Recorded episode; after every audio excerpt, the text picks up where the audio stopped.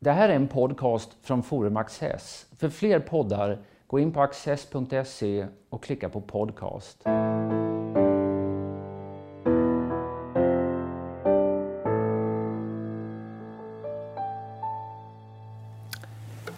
Välkomna till Studio Access. Min gäst idag är Karin Svanborg Sjövall, VD i tankesmedjan Timbro, men också Frankrikekännare.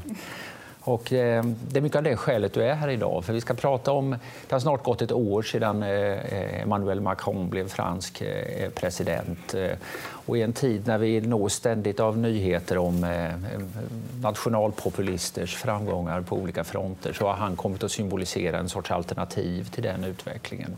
Vem är han?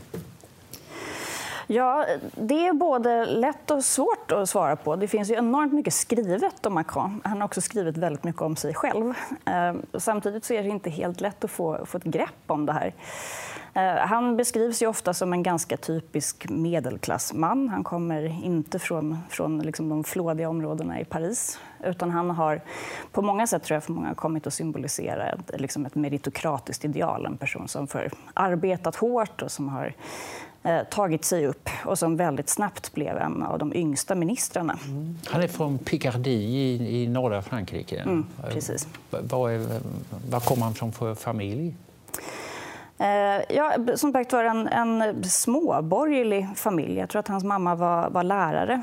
Eh, han beskriver ofta att han har varit väldigt påverkad av, sin, av sina äldre släktingar. Att det är en, en eh, släkt som inte haft hemskt mycket pengar men där det har funnits väldigt starka bildningsideal. Och att han tidigt lärde sig att läsa och att man har liksom haft en, en uppväxt som har varit väldigt omgärdad av, av böcker och kunskapstörst. Och han har varit framgångsrik hela tiden. Mycket framgångsrik. Ehm, och det sticker ju förstås också i ögonen för ganska många. just att Han, han kom in, han har varit en, en investment banker, tjänade väldigt mycket pengar på att placera pengar, också som väldigt ung. Ehm, men blev sen upplockad just i, i den socialdemokratiska regeringen där han försökte, trots ganska hårt motstånd, eh, reformera deras ekonomiska politik. Och han har tror jag, alltid haft en ganska god känsla för vart vinden blåser. Så, där, så han lyckades också lämna denna regering precis innan den imploderade. Mm. Men gjorde väl en ganska smart analys kring eh, i vilken utsträckning det gick att reformera Frankrike inom ramen för det dåvarande partisystemet. Mm. Och bestämde sig för att det gick inte. Och det var nog egentligen grunden för att han startade sitt faktiskt ganska revolutionära projekt med En Marche. Var detta nu det lätta eller det svåra svaret på frågan vem han är? ja, det var kanske, kanske både och. Nej, men jag tror att många som har försökt liksom, teckna hans personporträtt och så där, har ju varit ganska frustrerade. Därför att han är väldigt bra på att regissera sin egen bild. Mm. Ehm, jag tittade ganska nyligen på en Netflix-dokumentär som gjordes som handlade om hans väg till, till segern. Och då hade han ju team som fick följa honom under hela kampanjen. Eh, och den är ju, ger ganska många intressanta inblickar i hans ledarskap men den är otroligt hårt hållen. Det är nästan så nära en propagandafilm jag har kommit. Och det tror jag också är ganska typiskt. Eh, det är också många franska journalister som har sagt just det, att det, det är hemskt svårt att komma honom in på livet. Han startar då eh, i fjol ett, eh, ett politiskt parti. Det sker mycket snabbt alltsammans. Ja, först kandiderar han egentligen själv och, och så får han ett, eh, drar han igång ett parti. Vad var det för öppning han såg där? Ja, öppningen han såg var väl det som många andra också har noterat eh, egentligen över hela västvärlden att det fanns ett otroligt lågt förtroende bland människorna för den politiska eliten. Eh, det hade varit en serie korruptionsskandaler eh, och han såg nog att, att marknaden var så att säga, mogen för, för någonting helt nytt. Att det fanns generellt sett en väldigt låg tilltro till att det gick att reformera systemet inifrån. Eh, man har ju haft 30 år av någon slags ekonomisk skleros som har skapat lite en känsla av att det är en slags nationell depression som förstås är väldigt plågsam för ett land där en del av självbilden är att man är en stormakt. Um, och man upplevde inte att vare sig den så att säga, ganska korruptionsskadad höger skulle kunna göra någonting åt det. Uh, och vänstern hade inte heller lyckats övertyga om att man med de reformer som man hade liksom klämt sig fast vid. När du säger depression så kan man associera både till så att säga, ekonomisk stagnation eller rent av tillbakagång men också till liksom allmän deppighet. Mm. Är det både och det har varit fråga om? Ja, det har absolut varit både och. Ehm, de har ju så vitt jag vet inte lyckats balansera sin budget sedan 1978 vilket är något av ett rekord i ett Europa som inte bara har ett fantastiskt track record. Men också just den här känslan av att man fastnade väldigt mycket i ett narrativ av, av, av hot och, och undergång. Eh, det var väldigt svårt för de flesta andra etablerade politiker att skapa en känsla av att nu, nu, gör, liksom, nu rycker vi oss ur det här, nu gör vi någonting annorlunda. Och det finns ju ett, både ett väldigt starkt förändringsmotstånd och samtidigt ett uppenbart uppdämt behov av att göra någonting helt nytt. När, när du beskriver ett etablissemang som liksom har eh, skrumpnat ihop eller tappat kraften både till vänster och till höger. Jag kommer att tänka på en gammal final i en skridsko-OS när eh, fyra av fem löpare har ryckt ifrån och sen kör de ihop allesammans och störtar in i väggen medan den femte mannen förvånad glider in som vinnare mm. i, i mål och OS-guldmedaljör. Mm. Är det så det var att han vann tack vare de andras uselhet eller vann han på grund av stark egen kraft och lyster? Ja, det var nog som det nästan alltid är i revolutioner ganska svårt att helt särskilja vad som är den individuella prestationen från så att säga, det, det, allmänna läget. Och han har ju själv också varit ärlig med att han har sagt att om det inte hade varit för att Fillon eh, fastnade just i den här skandalen kring när han liksom det var den etablerade högerns kandidat. Precis, som ja. blev påkommen med att ha avlönat sin familj eh, väldigt rundligt eh, för tjänster som uppenbarligen inte hade utförts som också passade in väldigt bra i det narrativ som man hade just kring att, att det var ett stort problem med en utbredd korruption. Om Fillon inte hade blivit påkommen med det här och det inte hade punkterat hela hans kampanj då hade Macron sannolikt inte vunnit. när man tittar på resultaten och går tillbaka så blir man nästan lite häpen. För i, i Frankrike funkar det som med presidentval. Man har en första omgång där får alla möjliga ställa upp och sen om ingen får 50 procent då får de två som har fått flest röster gå vidare till en andra omgång. Mm. Och när man tittar så man tänker nu tillbaka på det som en våldsam jordskredsseger för Macron. Men han fick då 24 procent. Eh, Marine Le Pen, Nationella frontens kandidat, fick 21 och sen fick den här Fillon och extremvänsterns kandidat eh, Mélenchon ungefär lika mycket stöd. Så det, var inte, det ter sig självklart i efterhand, men det var inte självklart till att börja med. Nej, det var verkligen inte självklart till att börja med. Eh, och det är klart att det faktum att Le Pen eh, gick så starkt fram var ju också skulle jag säga, en, minst lika viktig förklaring som att Fillon gjorde bort sig eh, eller blev påkommen med att faktiskt i princip brutit mot lagen. Eh, för det var ju väldigt många, framförallt socialister och socialdemokrater som ju höll för näsan när de la sin röst på honom. Och det var ju också ett ganska lågt valdeltagande fransmännen var ganska trötta på att rösta överhuvudtaget och har varit väldigt många valomgångar. Så att när det väl kom till liksom sluttampen så, så fanns det en ganska utbredd liksom, ledsnad också på själva, bara på att ha en valkampanj. Om vi då går lite framåt i tiden och säger så, här, så blir Macron president. I alla fall. Han vinner andra omgången stort mot eh, Marine Le Pen. Om än inte alls lika stort som Chirac mot eh, Marine Le Pens pappa en gång i tiden. Mm. Utan ja, två tredjedelar mot en tredjedel. Man kan ju tycka det är en stor seger eller inte. Men strunt samma, utan nu är han president. Är han, vem är han som president? Vad vill han, hur använder han ämbetet? Ja, han använder det fullt ut. Och det brukar i och för sig franska presidenter göra. Han eh, intervjuades i Der Spiegel i en jättelång intressant intervju där han sa att det här är någonting som man måste göra som fransk president. Man måste vara en solkung. Eh, de säger att fransmännen är ett, ett regicidal people, sa han, vilket han menar att de vill ha en kung, men också en kung som man kan störta precis när de vill. Ett folk av kungamördare. Precis, ja. ett folk av kungamördare. Mm. Um, och det, det, finns en väldigt stark förväntan på att, på att, presidenten ska vara någonting mer än den vanliga mannen. Det ska vara pompa och ståt och det är viktigt för fransmännen. Men samtidigt så har han ju också varit ganska atypisk i meningen att han har inte varit en sedvanlig politiker i meningen att det är, det är visserligen stora eh, visioner och det är stora ord, eh, men hans reformer kläs i ett annat språkbruk än vad de gör i vanliga fall. Alltså han, han är väldigt noga med att det här handlar inte om liksom politik bara som hantverk, utan det ska liksom laddas med magi. Och han använder väldigt mycket presidentpalatset för att göra det.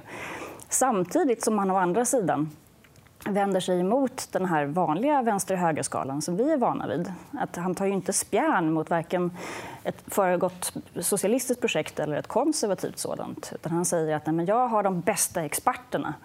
Eh, vi kommer att lösa de här problemen när de uppstår. Ni måste kunna lita på eh, att, att vi vet vad vi gör. Så att är, han, han verkar på många sätt på en, på en helt egen nivå, en helt egen skala som också gör att det är ganska svårbedömt var han kommer landa. Mm. Det, där är, det ska vi försöka komma tillbaka lite grann till den här frågeställningen. för Där finns intressanta saker, tycker jag. Men jag måste bara fråga. Eh, jag har sett dig citera hans eh, självbiografi där han i en vändning säger att postmodernismen är det värsta som kunde hända demokratin. Mm. Det har att göra med det du beskriver nu, men på vilket sätt? Nej, han, han är besatt vad jag kan förstå, av idén just om att det enda sättet att ena ett folk, eh, kanske inte minst i en tid som är väldigt individualistisk och pluralistisk och man har kulturkrockar som möter varandra, är att det måste finnas ett stort narrativ. Det måste finnas en gemensam stolthet över vad det är att vara fransk. Eh, och där menar han att det som postmodernismen har åstadkommit är egentligen det som har... Det är liksom en draksådd som till slut har resulterat i en Le Pen därför att man har under decennier försökt att nedmontera hierarkier. Man har sagt att det finns ingen absolut sanning. Eh, nationalismen är ett, eh, ett, ett förtryckande projekt. Vi ska ständigt omförhandla våra identiteter och att det här eh, har totalt sett skapat både en väldig frustration och en oro hos människor som också gör att de blir lättare att, så att säga, vända mot extrema former av nationalism. Och då säger jag, men då måste vi ha ett alternativ till det som också är samlande, som också bygger på stolthet som är väldigt symboltungt. Så om det inte finns ett stort gott projekt, ja. då kommer det att dyka upp ett stort ont projekt? Precis.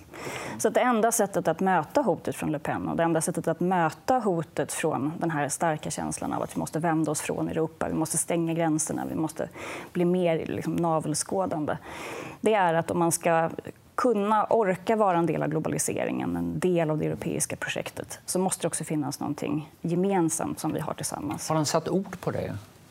Jag menar, vad är hans motsvarighet till Make America Great Again?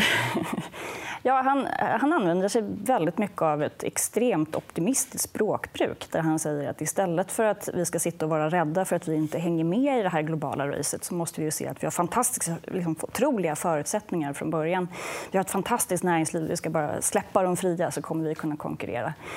Och när det kommer till, till, EU så har han ju också sagt att det finns ingen motsättning egentligen mellan att vi kan vara en stor nation i, eh, i Europa och samtidigt vara ledande i Europa. Så där istället för att ta det som har varit Le Pens ståndpunkt, nämligen att Europa förtrycker oss, så har han sagt att men det är vi som ska leda EU. Och därför så har han nu organiserat stora turnéer eh, där han ska liksom, få igång en stor debatt om Europafrågorna, inte bara i Frankrike utan i hela EU. Eh, vilket ju en del menar är lite lätt storhetsvansinne. Och när han adresserar nationen på nyår, också så lite amerikanskt, så vänder han sig också till Europas alla medborgare. Eh, så är, han, är inte, han är inte blygsamhetens president. Så. Han vann presidentvalet tydligt. Och sen var det parlamentsval strax efter och han fick med sig en mycket robust majoritet för sitt nya parti i det valet. Så han, han är väldigt stark rent formellt politiskt. Mm. Det har ju faktiskt andra presidenter varit före honom också, men de har ändå rätt snabbt kört fast. Och de har haft stora reformambitioner, men det har inte blivit mycket av det. Så att säga.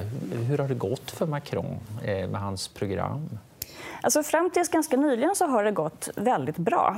Eh, han lyckades ju få ihop det här om Mausch, sitt eget nya parti i en, i en ganska oortodox konstellation av, av liberaler, konservativa och socialdemokrater där han sa att Säga, vi, vi tar det bästa av båda sidor. Vi behöver inte vara rädda för invandring. Och på det sättet så fick han med sig stora delar av, av vänstern. Med utbyte så måste vänstern också vara beredd att acceptera ekonomiska reformer som de tidigare har blockerat. Och så ska vi möta framtiden på det sättet. Och jag personligen när jag tittade på programmet tänkte att så här, hur ska det här gå? För att de flesta parlamentariker har ju aldrig, har inte haft någon politisk erfarenhet överhuvudtaget. De är helt gröna. Och eftersom programmet också är rätt tunt, som han gick till val på, så var ju frågan hur sjutton ska han få med sig de här personerna? Och när det kommer till just de här eh, stora arbetsmarknadsreformerna som han har drivit igenom nu så har det faktiskt gått över all förväntan. Det har varit strejker, precis som man trodde, men där har de lyckats hålla ihop och de har använt sin majoritet.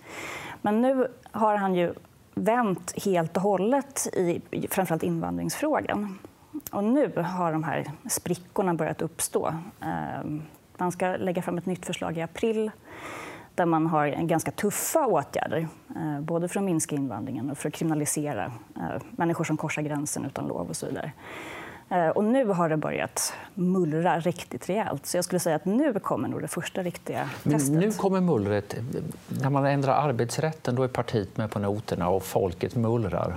Mm. Medan i invandringspolitiken är det partiet som mullrar. Mm. Folket verkar vara rätt mycket för att man ska skärpa eh, Ja, det finns, ju en, det finns ju en jättestor majoritet i Frankrike som tycker att invandringen är för stor.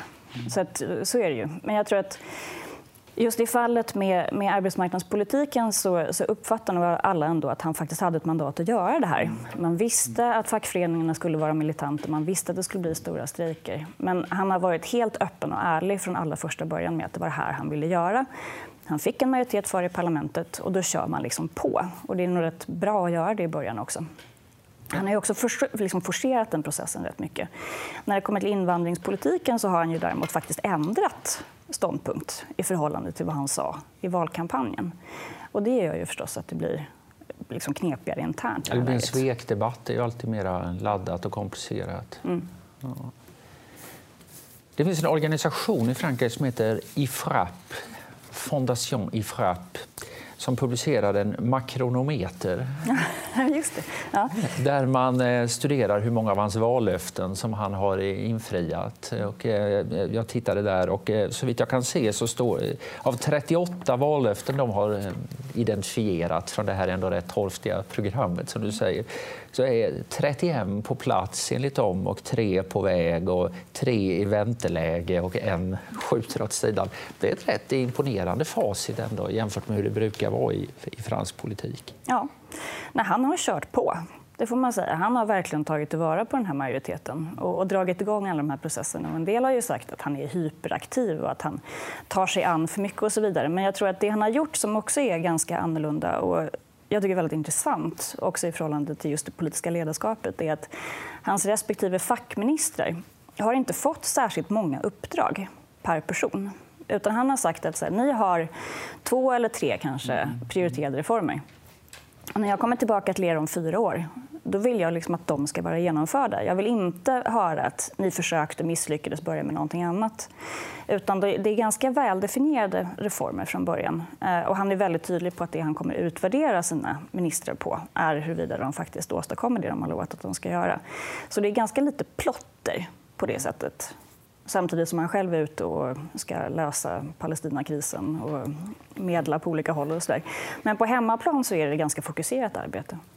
För i den, eh, jag menar ett annat viktigt område är ju den ekonomiska politiken och statsfinanserna. som du säger. Att, eh, Frankrike är ju ett av de olyckliga länder i världen som faktiskt har högre skattetryck än vad Sverige har. men, eh, men som ju ändå har eviga underskott i de eh, offentliga finanserna. Eh, det kom någon budget ganska nyligen här nu. Eh, har han grepp om denna fråga? Ja, det skulle jag säga lite tidigt. Alltså, det är ju ett av hans viktigaste vallöften är att han ska få ner underskotten eh, och hålla kanske inte minst EU-kommissionen stången som ju har varit på Frankrike under väldigt lång tid. Eh, och där, hittills, de siffror jag har sett är att det går inte riktigt åt rätt håll.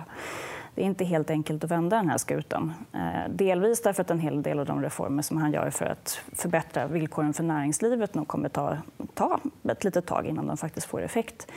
Men också därför att de riktigt stora och riktigt svåra frågorna det är hur han ska hantera den enorma franska offentliga förvaltningen. Mm. Och där har han ju liksom börjat, eh, men det är väldigt svårt. Där är också fackföreningarna absolut de mest militanta. Där finns det också mängder med särintressen som håller emot för allt vad det, liksom, för allt vad det håller. Och det är egentligen där de stora besparingarna måste göras. Och där är vi inte än.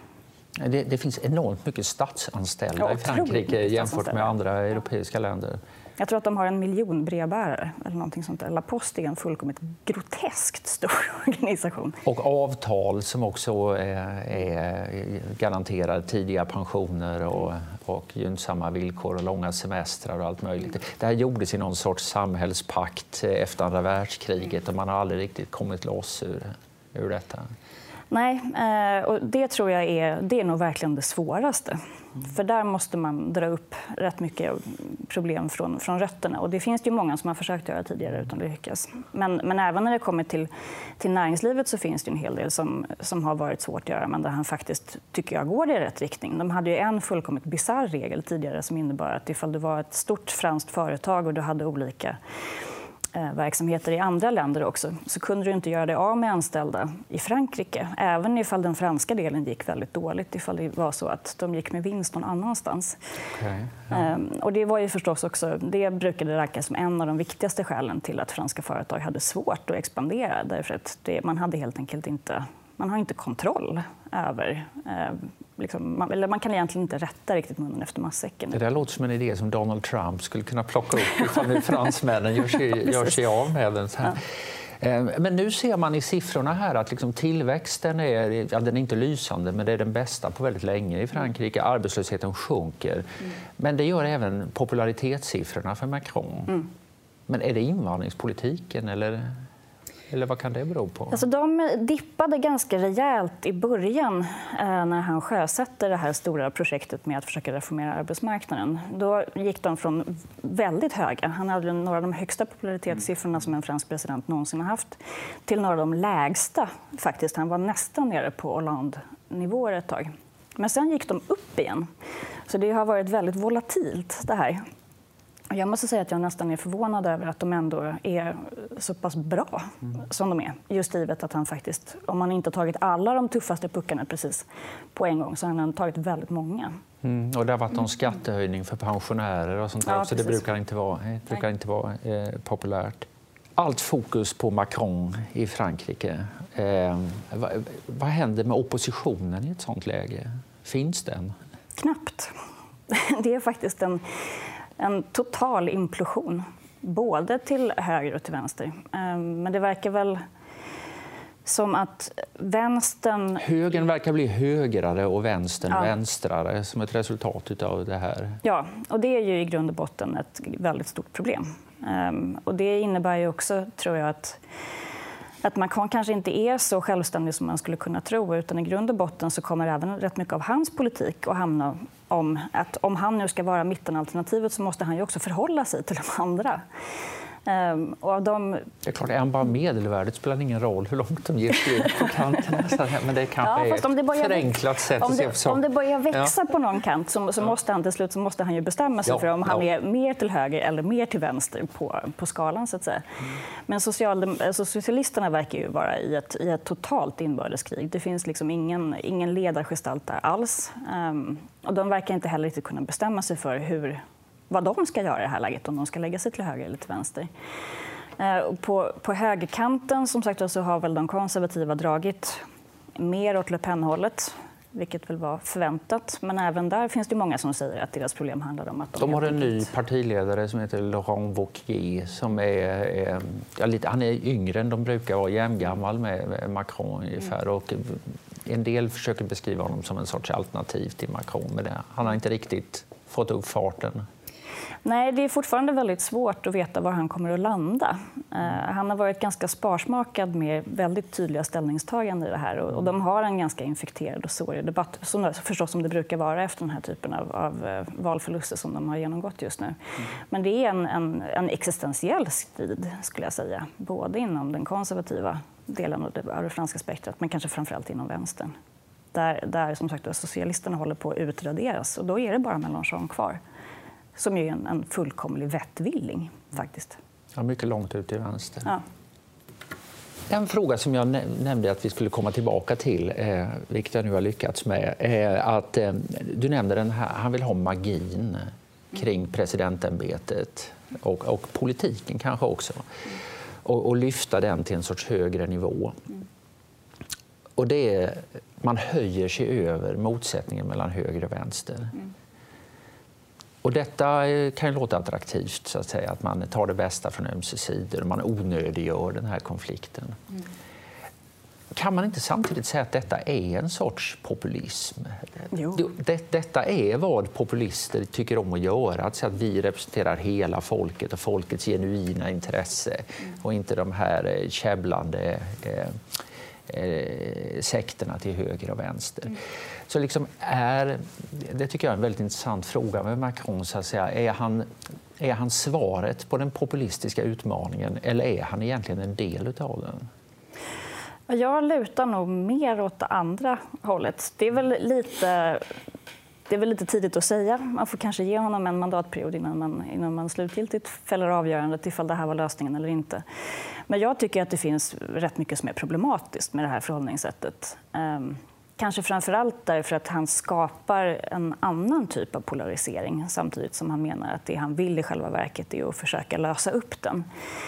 Eh, jag tror att det är väldigt dåligt eh, för ett land om det i praktiken inte längre finns ehm, två så att säga, principiella poler som förhåller sig till ungefär samma samhällsproblem mm. utan att man istället gör en fråga till vem det är som står för det sunda förnuftet. Och då har man ett så att säga, folkligt sunt förnuft och sen så har man ett mer elitorienterat sunt förnuft eh, eller expertorienterat sunt förnuft på den andra sidan.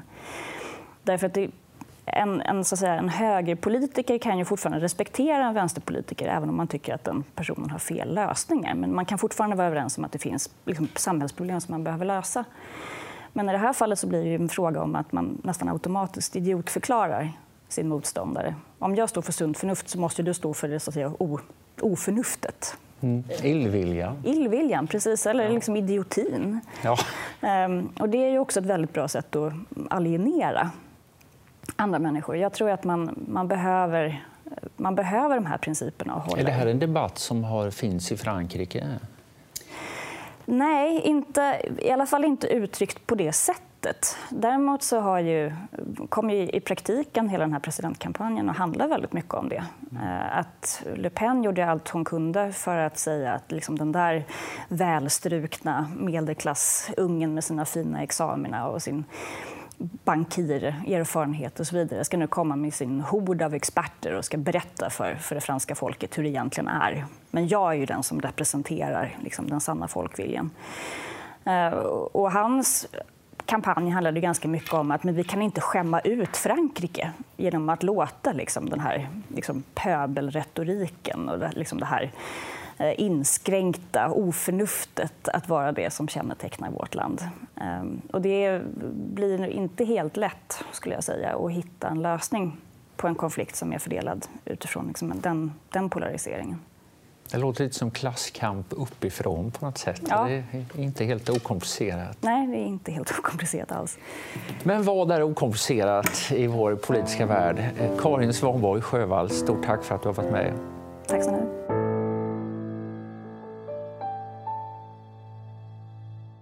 Och här kommer några extra minuter med mig och min gäst. Ja, vad, man, vad man inte kommer undan att fråga sig efter detta det är ju, finns här en, någon uppenbar läxa för svenska politiker? I sak eller i förhållningssätt eller i eh, att ta efter eller undvika? Ja, jag tror att det finns en läxa som nog handlar om um, dels frågan om att det finns en väldigt stor efterfrågan på, um, på gemenskap idag. Som man kan tycka är, är rätt eller fel, men som helt uppenbart behöver hanteras politiskt. Och där tycker jag att det är intressant ändå att titta på hur Macron har jobbat med den frågan och sagt att där, om, om vi, nu, vi kanske måste erkänna att människor behöver symboler och vi kanske måste erkänna att det finns hierarkier och att människor kanske behöver också de hierarkierna för att känna sig trygga i en tid av väldigt mm. stark förändring.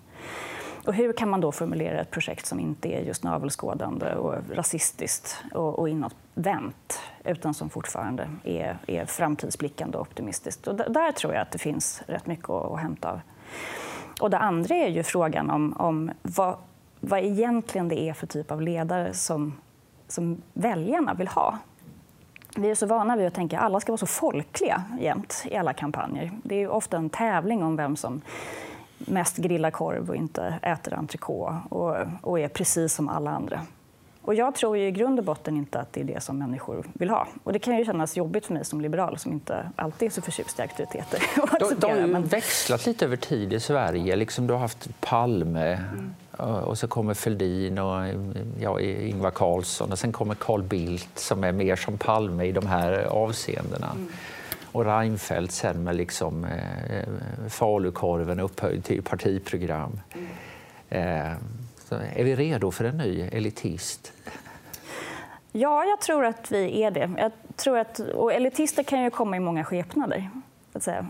Um, Donald Trump är ju inte självklart folklig, om man säger så och har ändå lyckats slå an uh, någon slags folklig ton som människor uppfattar som mer genuin än, än vad andra politiska ledare har varit i USA. Och motsvarande kan man säkert se även på hemmaplan. Men jag tror att de allra flesta människor vill ha en statsminister som man känner sig trygg med på den internationella scenen.